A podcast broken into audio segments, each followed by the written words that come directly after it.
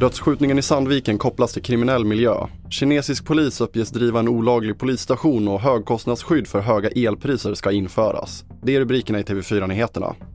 Men vi börjar med att dödsskjutningen i Sandviken kopplas till kriminell miljö, det uppger polisen på sin hemsida. En 16-årig pojke hittades skjuten på en cykelbana i Sandviken sent på tisdagskvällen och han fördes till sjukhus med ambulans men hans liv gick inte att rädda. Polisen har startat en förundersökning gällande mord och på torsdags eftermiddagen uppgav polisen att nya uppgifter gör gällande att skjutningen skett i den kriminella miljön. Vi fortsätter med att kinesisk polis uppges driva en olaglig polisstation via ett hotell i västra Stockholm. Det visar en rapport som organisationen Safeguard Defenders har gjort. Liknande stationer ska finnas i 30 andra länder och syssla med att driva påtryckningar mot exilkineser. Här har Kina internationella polisenheter enligt den här rapporten i ett stort antal länder på flera kontinenter, bland annat i Sverige, i Stockholm sägs det.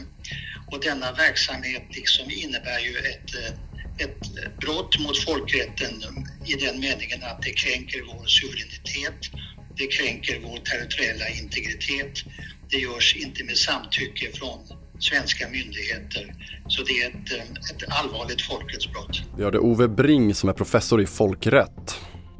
Och ett högkostnadsskydd för höga elpriser ska införas i södra och mellersta Sverige, det föreslår Svenska kraftnät. Stödet omfattar 55 miljarder kronor till 5 miljoner kunder men när pengarna kan betalas ut kan regeringen ännu inte ge något besked om. Vi avslutar med att det är brist på vårdplatser i Västerbotten och nu har alla sjukhus i regionen gått upp i förstärkningsläge. En redan ansträngd situation har förvärrats av hög sjukfrånvaro bland personalen och förstärkningsläge är det näst högsta beredskapet och gör att ledning och nyckelfunktioner samlas för att kunna agera snabbt, skriver regionen.